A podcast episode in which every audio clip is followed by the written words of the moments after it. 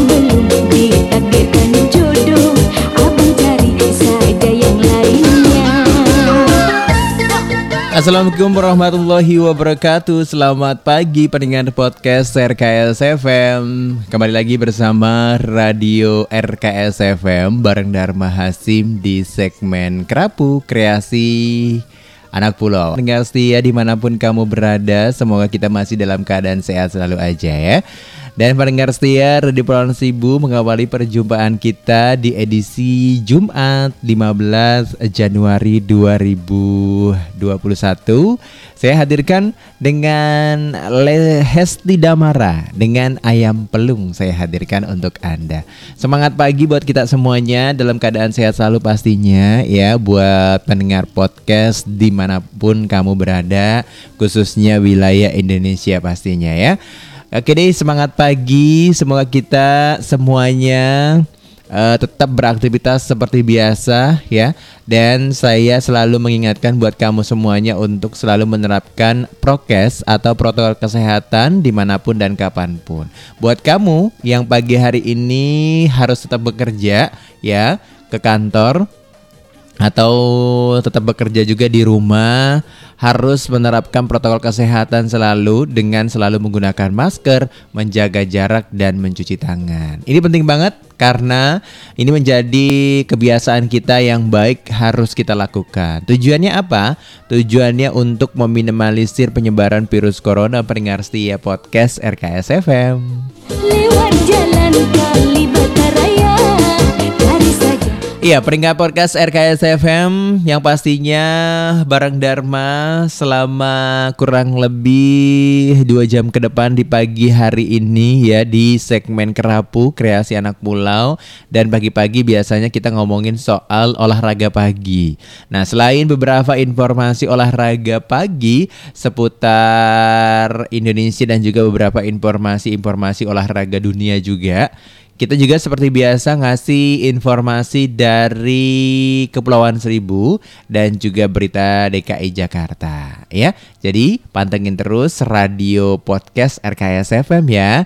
Oke pendengar setia Pohon Seribu Informasi olahraga pagi hari ini pendengar setia Dari Detik Sport ya hadirkan untuk Anda Buat kamu yang suka nonton pertandingan badminton kayaknya berbangga hati nih karena uh, squad kita yaitu Leo dan juga Daniel susul ke Denies ke perempat final Thailand Open. Saya sudah bang, ada yang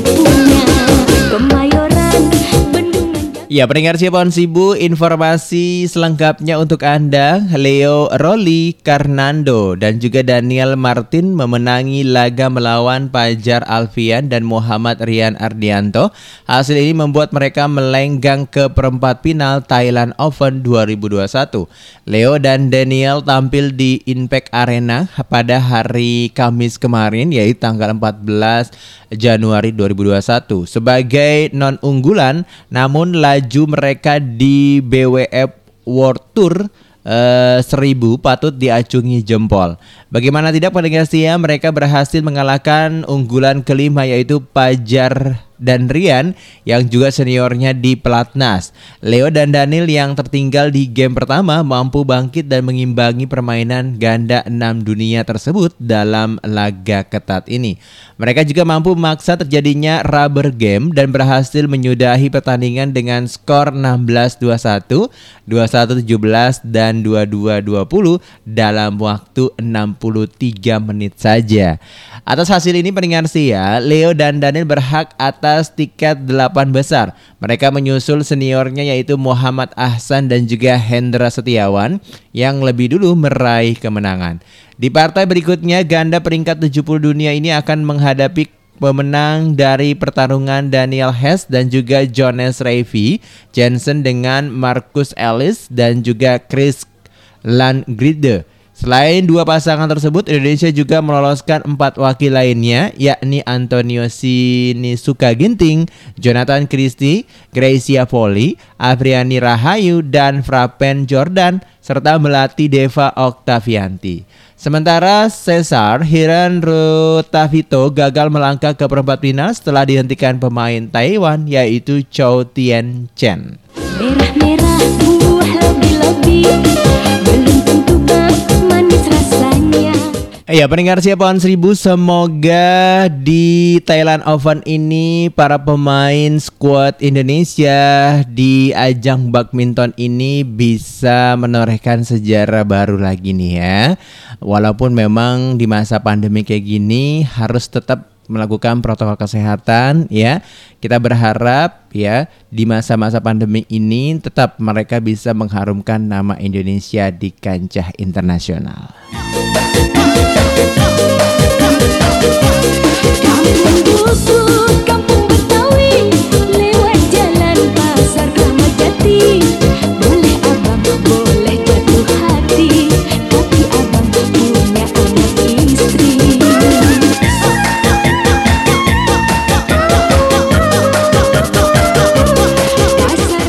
Ya, pendengar siap pohon seribu masih dengan informasi olahraga pagi hari ini. Tiga sosok yang dinilai pantas jadi ketua umum PASI ada Erick Thohir. Informasi selengkapnya pendengar siap kepengurusan PB PASI akan menggelar musyawarah nasional untuk menentukan pemimpin baru periode 2021-2025 mendatang. Namun, ada nama Puan dan juga Sandi serta Erik mencuat dalam diskusi yang dilakukan CIWO PWI DKI Jakarta dengan tema Fasi mencari figur ketua umum di era pandemi 2021. Adapun diskusi dihadiri oleh pengurus provinsi ya, ya Provinsi Fasi, pelatih dan atlet, mantan atlet, akademisi, komunitas lari dan juga media. Diketahui pendengar setia sepeninggal mendiang Bob Hasan beberapa waktu lalu, induk organisasi atlet nasional itu kini dipimpin oleh pelaksana tugas Maijen Purnawirawan Jeki Anwar Makarim. Sebelumnya dia merupakan ketua bidang organisasi PB Pasi. Ia menjabat sebagai PLT Ketua Umum sampai Pasi mendapatkan ketua umum baru pada Munas yaitu tanggal 25 Januari mendatang. Akan tetapi jelang pemilihan belum diketahui siapa-siapa yang sudah masuk bursa bakal calon. Jumlah mantan atlet akademisi hingga atlet mengungkapkan siapa sosok yang pantas duduk di kursi nomor satu atletik tersebut. Ya, pendengar siapa sibuk atas data tersebut Mantan sprinter yang pernah tampil di lintasan Olimpiade 2008 Beijing ini menilai Puan Sandiaga serta Erick Thohir pantas menjadi ketua PB PASI 2021-2025. Ibu Puan sebagai Ketua DPR saat ini juga memiliki pengalaman sebagai Menteri PMK di kabinet sebelumnya. Pak Eri juga terbukti sukses saat menjadi Ketua Inajgoc serta Pak Sandiaga juga memiliki konser dengan olahraga Teras Suryo. Sementara itu Ketua Penprop Pasi Yogyakarta Teguh Raharjo lebih menganggaris bawahi seorang pemimpin yang memiliki jaringan luas dan mampu mempengaruhi pemimpin daerah seperti gubernur akan bisa memajukan atletik. Terlebih lanjut teguh karya yang ditinggalkan Bob Hasan terhadap kemajuan prestasi atletik Indonesia dinilai sangat luar biasa. Dari belakang layar, Bob terbukti sukses menciptakan nama-nama besar seperti Purnomo Yudi, Suryo Agung hingga lalu Muhammad Jori. Hal serupa diungkapkan dosen Universitas Negeri Yogyakarta Ria Liuminuarsto ia berharap sosok yang akan menjadi ketua PB pasti nantinya bisa memiliki komitmen serta tidak memolitisasi jabatannya. Paling penting, ketua terpilih mau menggandeng serta menggena, mendengar suara kalangan akademisi untuk memajukan atletik Indonesia. Terpisah menurut Gatot Asro sendiri dari komunitas IM Road Runners berharap sosok ketua PB pasti nanti dapat menggerakkan atlet menjadi an olahraga industri. Menurutnya, atlet sangat berpotensial berkembang menjadi olahraga favorit di Indonesia jika digarap dengan serius. Ya, pendengar siapa pun sibuk, semoga siapa pun menjadi ketua umum PB Pasi nanti akan membawa para atletik Indonesia untuk menjadi lebih baik lagi pendengar sia ya. Yang lebih utama adalah kita harus dukung dan support juga buat para penggila olahraga ini karena yang kita tahu bahwa kita udah punya nama-nama Purnomo Yudi, Suryo Agung, hingga lalu Muhammad Johri ya. Semoga ada para atletik atletik baru ya bisa saja di kawasan Kepulauan Seribu pendengar setia. Oke pendengar setia di mana pun anda berada dan juga buat para pendengar podcast jangan ke mana-mana. Dharma masih akan kembali lagi selepas beberapa lagu berikut ini di seputar olahraga pagi ya dan juga beberapa informasi-informasi dari kawasan Kepulauan Seribu. Tetap siap bersama Radio Kepulauan Seribu. Kabupaten Administrasi Kepulauan Seribu bersama bisa. Thank you.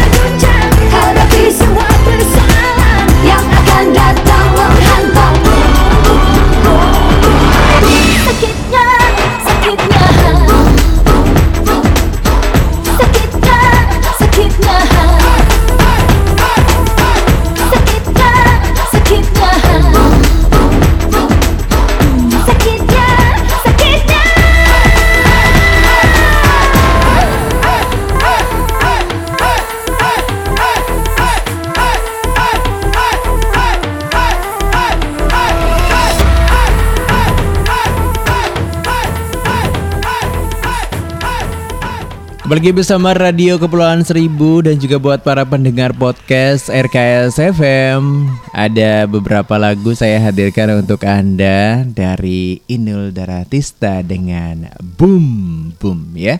Semoga semuanya masih tetap semangat untuk menjalani aktivitas Anda di hari Jumat ini ya. Kalau ngomongin semangat pasti ya buat kamu semuanya. Kalau nggak semangat aduh bisa gawat nih ya. Pendaringan bisa kering nih.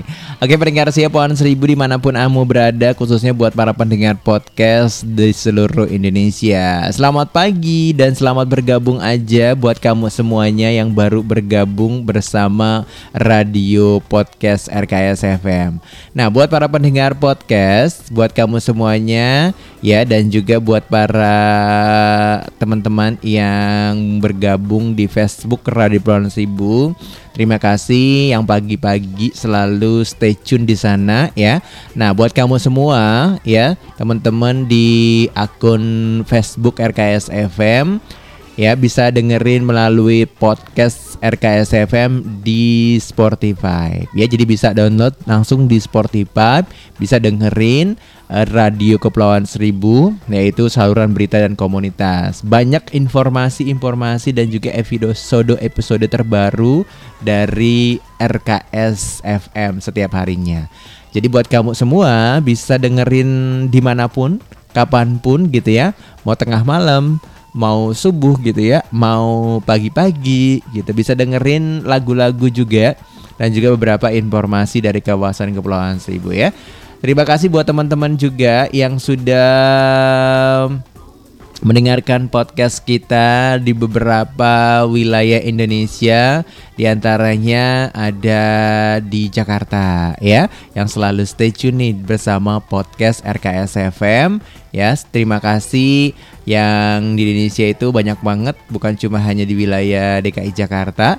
Ada daerah Banten Kalimantan ya. Ada Jawa Papua terus di Jawa Tengah Jawa Barat. Terima kasih ya yang sudah bergabung bersama Radio Podcast RKS FM buat kamu semuanya pengen dengerin beberapa informasi-informasi dari kawasan Kepulauan Seribu bisa cari aja di podcast RKS FM karena nanti banyak banget informasi dari kawasan Kepulauan Seribu kita hadirkan untuk Anda ya.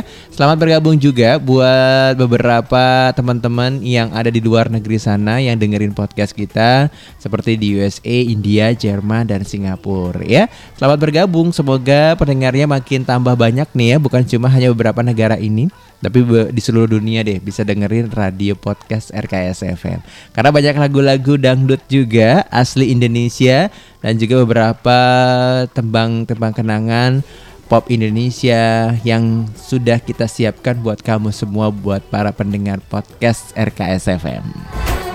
Tapi cinta yang suci akan Ya pendengar setia podcast RKS FM di mana pun Anda berada Masih bareng Dharma dari kantor Kabupaten Administrasi Jakarta Kepulauan Seribu. Ya masih ngomongin seputar olahraga pagi hari ini. RI tuan rumah kejuaraan dunia equestrian. Menurut Menpora akan memberi target ini pendengar setia Menurut Menpora Jainuddin Amali mendukung penuh Indonesia menjadi tuan rumah final FEI Jumping World Challenge atau JWC September mendatang. Dia berharap Merah Putih bisa sukses prestasi dan penyelenggaraan kejuaraan dunia equestrian ini. Hal ini disampaikan Menteri asal Gorontalo itu saat menerima kunjungan Ketua Umum Pengurus Pusat Persatuan Olahraga Berkuda seluruh Indonesia PP Pordasi yaitu Triwati Marciano di Kemenpora Jakarta pada hari Selasa siang lalu. Ya katanya saya mengapresiasi langkah dari Pordasi ini. Proses untuk menjadi tuan rumah tidak gampang. Tentunya sangat baik ya, sekaligus kejuaraan ini bisa mempromosikan bahwa Indonesia siap menggelar kejuaraan kepada negara-negara lain. Perhelatan final FPI Jumping World Challenge atau JWC akan menggunakan lokasi di Jakarta International Equestrian Park Pulau Mas yaitu JIEF. Kejuaraan ini akan diikuti 25 negara PB Pordasi diketahui sudah meloloskan dua atletnya untuk tampil dalam ajang tersebut. Amali lantas berharap melalui kejuaraan internasional ini, ajang equestrian atau berkuda semakin diminati masyarakat Indonesia. Sementara itu menurut Ketua Umum Pengurus Pusat Persatuan Olahraga Berkuda Seluruh Indonesia atau PP Pordasi, Triwati Marciano optimis Indonesia akan meraih prestasi serta sukses sebagai penyelenggara. Saat ini lanjut Triwati pihaknya tengah mempersiapkan atlet untuk mengikuti bisa mengikuti kejuaraan single event internasional tersebut. Dukungan penuh juga datang dari KONI Pusat. Sekjen Ade Lukman menyampaikan hal serupa dalam pertemuan tersebut. Menurutnya, katanya KONI Pusat mendukung penuh kejuaraan ini. Kita juga mendukung terwujudnya prestasi serta penyelenggara nantinya. Kami melihat ini juga menjadi kesempatan untuk menunjukkan kesiapan ke tingkat yang lebih tinggi lagi, kata Ade.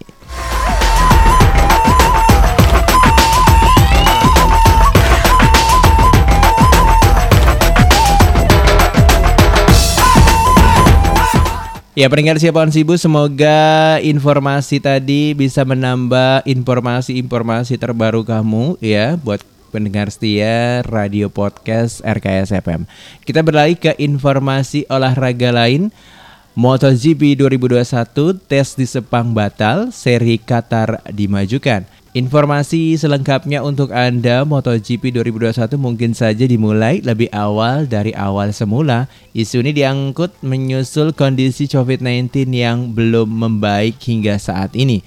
Sebelumnya peringkat tes pramusim MotoGP 2021 yang seharusnya digelar di Sepang, Malaysia pada tanggal 19 hingga 21 Februari mendatang terpaksa dibatalkan setelah pemerintah negeri jiran menetapkan keadaan darurat akibat COVID-19 pada hari Selasa lalu. Status darurat ini berlaku hingga Agustus mendatang. Akibatnya sekarang para pembalap hanya tinggal memiliki satu sesi tes pramusim, yakni di Losail, Qatar pada 10 hingga 12 Maret mendatang. Melihat situasi terkini, Autosport melaporkan bahwa tim-tim MotoGP akan mengadakan rapat dengan Dorna Sport dan PIM pada hari Kamis kemarin. Mereka ingin mendiskusikan seri pembuka MotoGP 2021 yang akan digelar di Qatar pada 28 Maret mendatang. Ada opsi untuk mengubah jadwal yakni dengan memundurkan sesi tes pramusim dari jadwal semula atau memajukan jadwal MotoGP Qatar. Intinya, memangkas jarak dua minggu antara tes pramusim dan juga balapan. Pertimbangan ini didasarkan pada pengalaman musim lalu saat ini MotoGP Qatar 2020 yang harus digelar 8 Maret terpaksa dibatalkan saat penyebaran COVID-19 mulai meluas. Otoritas Qatar menutup pintu kedatangan untuk orang asing dan hanya mengizinkan masuk jika sudah menjalani karantina selama dua minggu lebih dahulu. Akibatnya, Mark Marcus dan kawan-kawan yang mayoritas masih di luar Qatar tak bisa masuk sehingga hanya ajang motor 2 dan Moto 3 yang bisa digelar. Mengingat pada para rider di dua kelas tersebut sudah tiba di Qatar lebih dahulu karena menjalankan tes pramusim beberapa hari sebelumnya. Berkaca dari situ, tim-tim peserta tak mau jika mereka harus bertahan di Qatar selama jeda dua minggu antara tes dan balapan. Sebab biaya akomodasi akan membengkak, belum lagi logistik yang sudah dikirim ke Sepang harus dikirim ulang ke Qatar. Tentu akan makan biaya. Oleh sebab itu, jadwal yang dibatalkan kini menjadi opsi yang akan dipertimbangkan.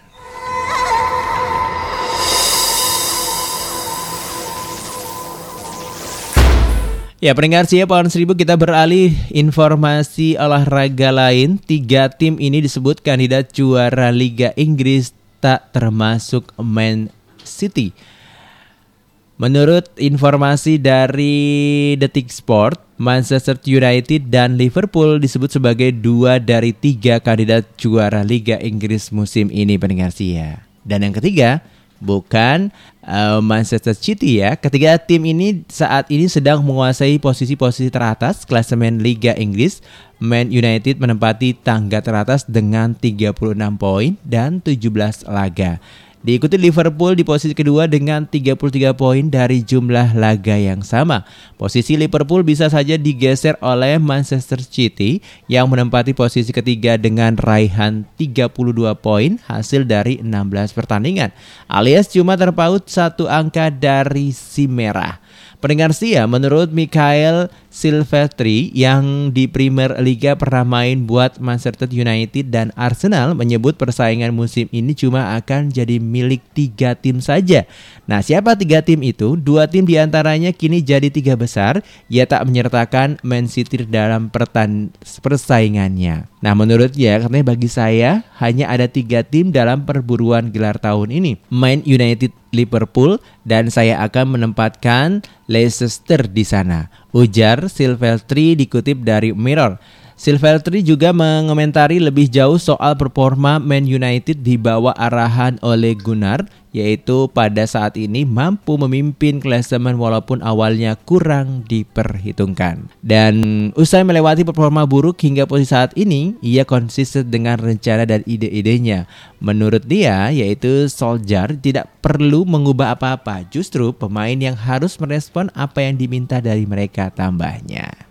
Sekarang tinggal bagaimana caranya MU bertahan di sana. Mereka akan dalam posisi yang sangat positif saat ini. Yang bagus adalah oleh Gunnar menurutnya men- tidak mengubah apa pun dalam beberapa pekan terakhir ini.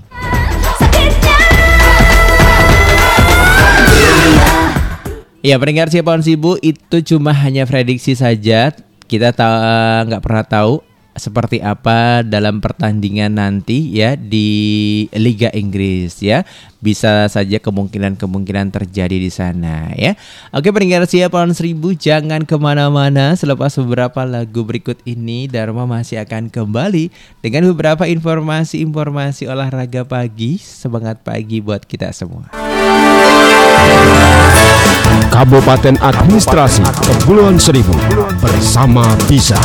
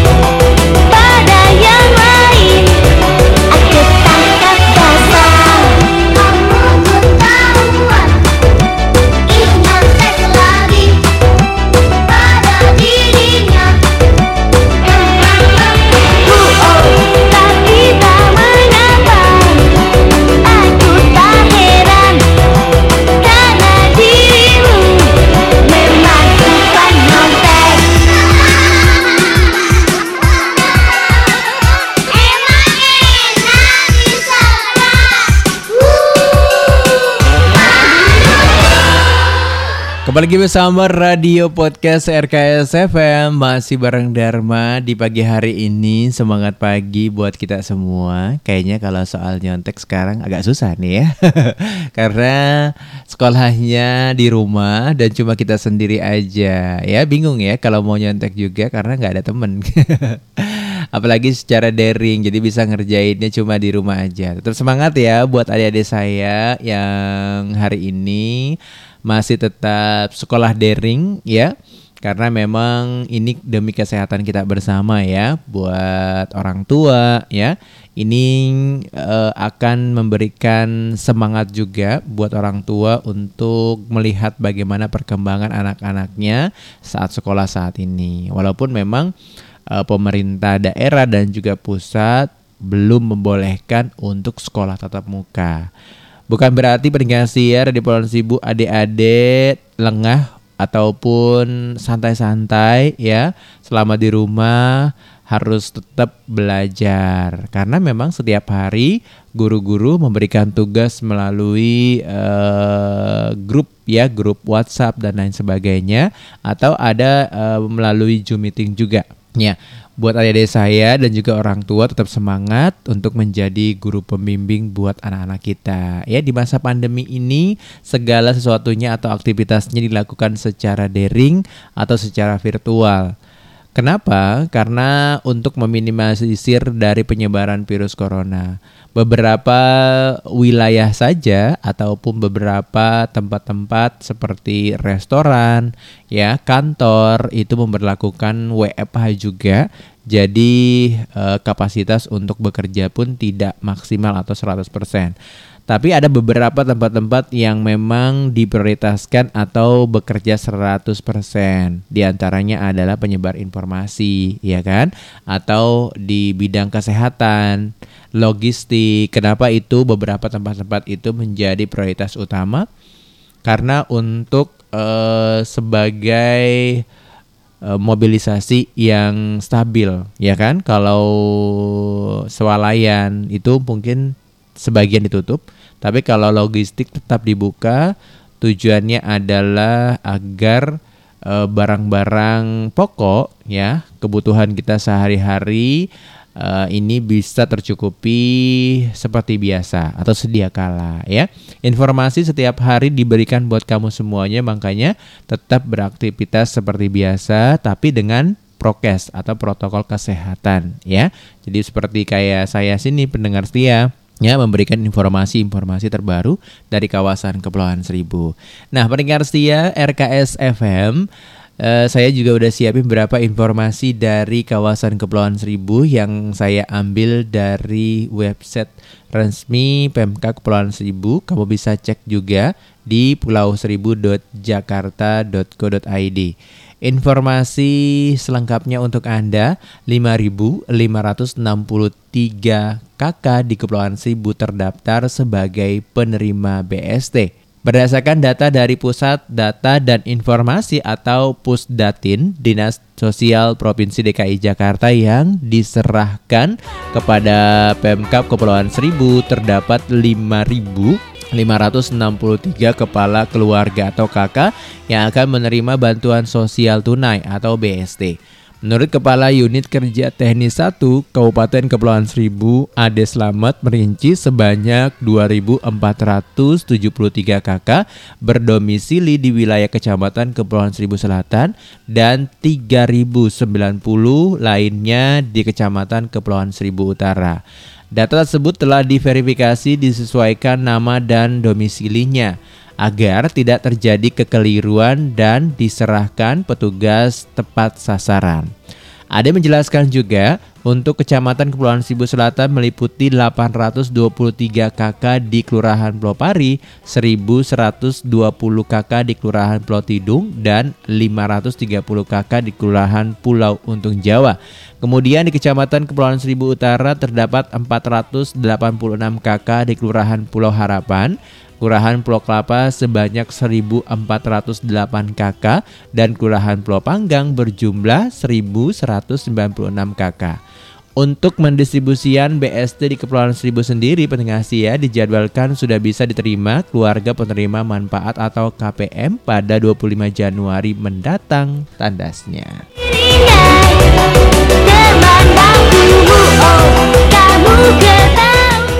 Informasi selanjutnya pendengar siar Radio Pulau Sibu yang saya ambil dari beritajakarta.co.id Pemprov DKI Jakarta lakukan vaksinasi COVID-19 mulai hari Kamis kemarin. Pemerintah Provinsi DKI Jakarta melalui Dinas Kesehatan mulai hari kemarin telah melakukan vaksinasi COVID-19. Vaksinasi dilakukan kepada tenaga kesehatan yang mendapatkan SMS blast dari pemerintah pusat dan telah melakukan registrasi ulang. Hal tersebut disampaikan Kepala Dinas Kesehatan DKI Jakarta Widya Stuti pada media briefing yang digelar secara virtual hari eh, kemarin. Pada tahap satu ini, termin 1 sesuai alokasi dari Pusat Sasaran SDM Kesehatan untuk vaksinasi COVID-19 tahap 1 adalah berjumlah 131.000 orang di seluruh pasien yes pasien kes mau saya di DKI Jakarta berdasarkan data di website SISDMK per tanggal 11 Januari 2021. Namun data tersebut bersifat dinamis, kita harus pastikan logistik yang ada bisa mengamankan dua dosis untuk satu orang dulu karena vaksin diberikan dua dosis. Selang 14 hari, Terang Widya Suti seperti kutip dari siaran pers PPID DKI Jakarta hari Kamis lalu. Sementara itu untuk pencadangan tingkat provinsi akan dilakukan esok harinya, yaitu hari ini pada tanggal 15 Januari 2021 kepada 21 orang yang akan dilakukan penyuntikan. Sebelumnya, Widya Suti menyatakan Dinas Kesehatan DKI Jakarta telah menerima vaksin Sinovac dari PT Bio Farma sejak 4 Januari 2021 sebanyak 39.200 pial. Lalu tanggal 7 Januari sebanyak 29.200 pial dan pada 11 Januari sebanyak 41.640 pial yang disimpan di cold room gudang vaksin Dinkes DKI Jakarta. Total hingga 11 Januari 2020 kami telah menerima sekitar 120.040 pial. Vaksin tersebut hanya untuk 60.000 nakes dan jumlah tersebut masih kurang karena data nakes dan penunjang di DKI Jakarta yang tercatat sebanyak 131.000 orang. Berdasarkan data SISDMK per tanggal 11 Januari 2021. Terkait pendistribusian telah dilakukan sejak hari Selasa lalu ke kabupaten atau kota, distribusi dilakukan berjenjang mulai dinas kesehatan ke suku dinas kesehatan, lalu ke puskesmas hingga menuju ke seluruh paskes tempat penyuntikan vaksinasi termasuk rumah sakit dengan syarat memperhatikan rantai dingin vaksin di setiap lokasi. Saat ini sudah dimulai pendistribusian vaksin dan logistik vaksin dari Dinas Kesehatan ke Sudin Kesehatan, kota dan juga fasilitas pelayanan kesehatan atau Paskes. Sekitar 488 paskes tersebut terdiri dari RSUD, Rumah Sakit Vertikal, TNI, Polri, Rumah Sakit Swasta, Puskesmas, dan klinik pemerintah atau swasta yang tersebar di enam kabupaten kota di DKI Jakarta. Sementara sesuai Permenkes 84 tahun 2020, pelayanan vaksinasi COVID-19 dilaksanakan di fasilitas pelayanan kesehatan dari pemerintah pusat. Pemerintah daerah atau swasta yang memenuhi persyaratan fasilitas pelayanan kesehatan seperti puskesmas, puskesmas pembantu, dan pos pelayanan vaksinasi COVID-19, klinik, rumah sakit, atau unit pelayanan kesehatan di kantor kesehatan pelabuhan atau KKP. Adapun persyaratan bagi fasilitas pelayanan kesehatan melaksanakan vaksin COVID-19 adalah A. Memiliki tenaga kesehatan pak pelaksana vaksinasi COVID-19, B memiliki sarana rantai dingin sesuai dengan jenis vaksin COVID-19 yang digunakan atau sesuai dengan ketentuan peraturan perundang-undangan, C memiliki izin operasional fasilitas pelayanan kesehatan atau penetapan oleh Menteri Kesehatan sesuai dengan ketentuan peraturan perundang-undangan. Dinas Kesehatan DKI Jakarta, Sudin Kesehatan, Puskesmas, dan fasilitas pemberi vaksin yang sudah terdaftar dalam VCare telah memiliki tempat penyimpanan vaksin berupa cold room untuk Dinas Kesehatan, Kalkain untuk Sudin Kesehatan dan Puskesmas sesuai dengan standar WHO, yaitu pada suhu 2 hingga 8 derajat Celcius yang terkalibrasi termonitor suhunya. Manajemen penyimpanan vaksin juga diterapkan oleh petugas secara ketat untuk memastikan stabilitas vaksin tetap baik dari mulai pabrik, instalasi penyimpanan vaksin sampai vaksin disuntikan oleh vaksinator kepada target. Adapun jumlah vaksinator yang telah tersedia di lima wilayah kota dan kabupaten Provinsi DKI Jakarta saat ini sebanyak 1.500 vaksinator dengan sasaran per hari 19.741 target vaksin per harinya. Pemerintah juga telah memberikan pelatihan bagi vaksinator COVID-19 dengan total peserta sebanyak 2.323 orang. Menurut Widya Stuti sendiri menjelaskan Dinas Kesehatan DKI Jakarta bersama Komite Daerah Pengkajian dan Penanggulangan Kejadian Ikut Pasca Imunisasi atau Komda PP KIPI telah mempersiapkan tim untuk melakukan monitoring dampak pasca vaksinasi di setiap tingkatan administrasi. Selain itu telah disiapkan 21 rumah sakit rujukan KIPI untuk vaksinasi COVID-19 jika dibutuhkan perawatan akibat KIPI tersebut. oh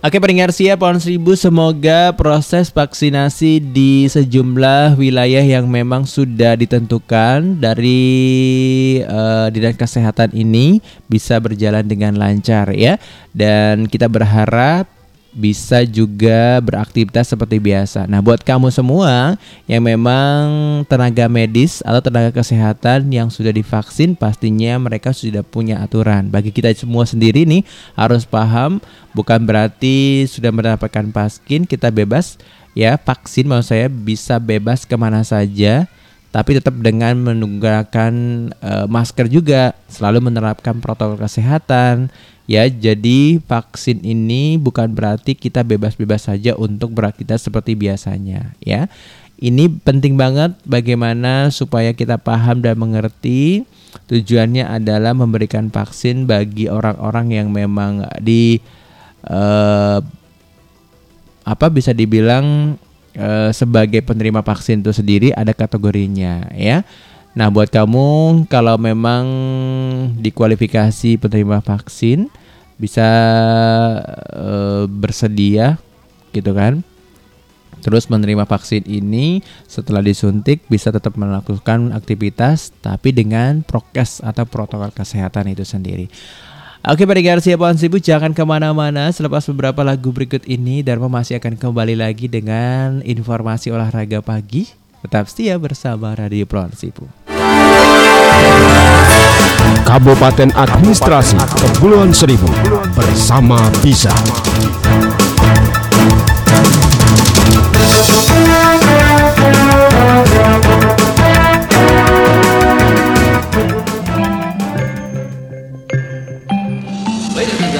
At this time, I have the honor to present to you the Grand Wizard. Part two.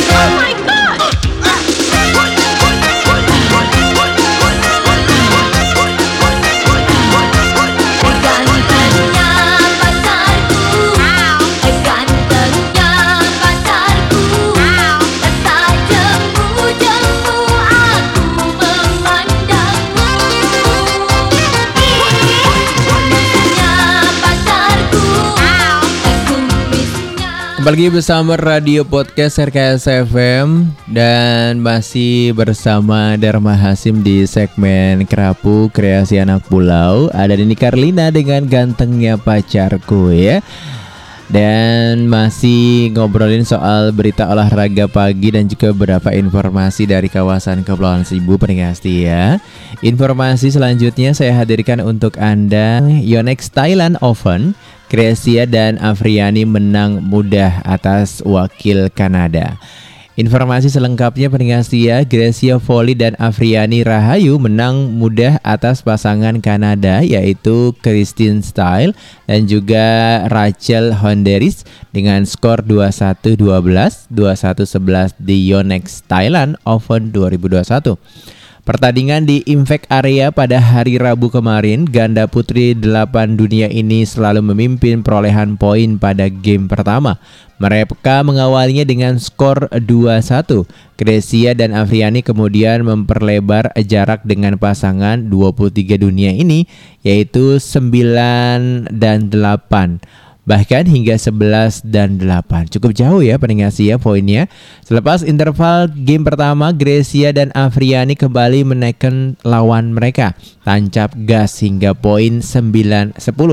Indonesia sempat kehilangan poin setelah bola Afriani mentok di net, tapi kemudian direbut kembali dengan smash Afriani yang masuk dengan skor berakhir 21-12.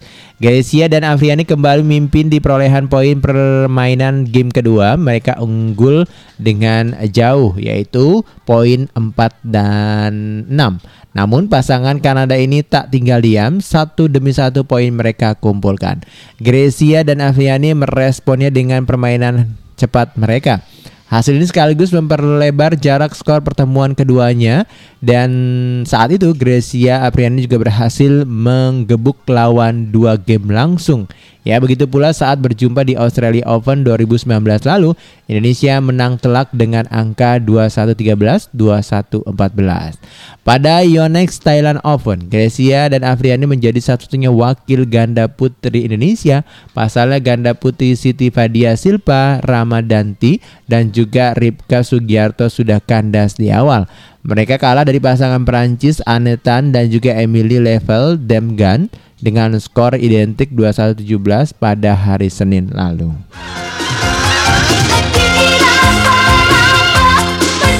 Masih dari informasi olahraga badminton pendengar setia, Kevin Sanjaya akhirnya dinyatakan negatif COVID-19. Kevin Sanjaya Sukamuljo akhirnya dinyatakan negatif COVID-19. Ganda putra nomor satu dunia ini siap latihan kembali. Hasil negatif didapatkan setelah pemain kelahiran Banyuwangi, Jawa Timur 2 Agustus 1995 ini menjalani dua kali tes di Rumah Sakit Mitra Keluarga Kelapa Gading, Jakarta Utara. Tes pertama pada hari Sabtu hasilnya negatif. Sesuai protokol kesehatan untuk membuktikan dirinya sembuh, Kevin pun wajib kembali melakukan tes kedua dengan interval antara 24 jam hingga 72 jam dari tes sebelumnya. Pada tes keduanya dilakukan pada hari Senin 11 Januari 2021 di tempat yang sama, hasil melegakan dan hasilnya Kevin negatif dari COVID-19. Ya pendengar siap pohon seribu informasi tadi menutup perjumpaan kita di pagi hari ini. Semangat pagi buat kita semuanya ya dan tuntas sudah kebersamaan kita. Saya Dharma Hasim. Nanti kita ngobrolin hal-hal seru menarik lainnya di podcast RKS FM. Salam olahraga. Wassalamualaikum warahmatullahi wabarakatuh. Kabupaten Administrasi Kepulauan Seribu bersama Bisa.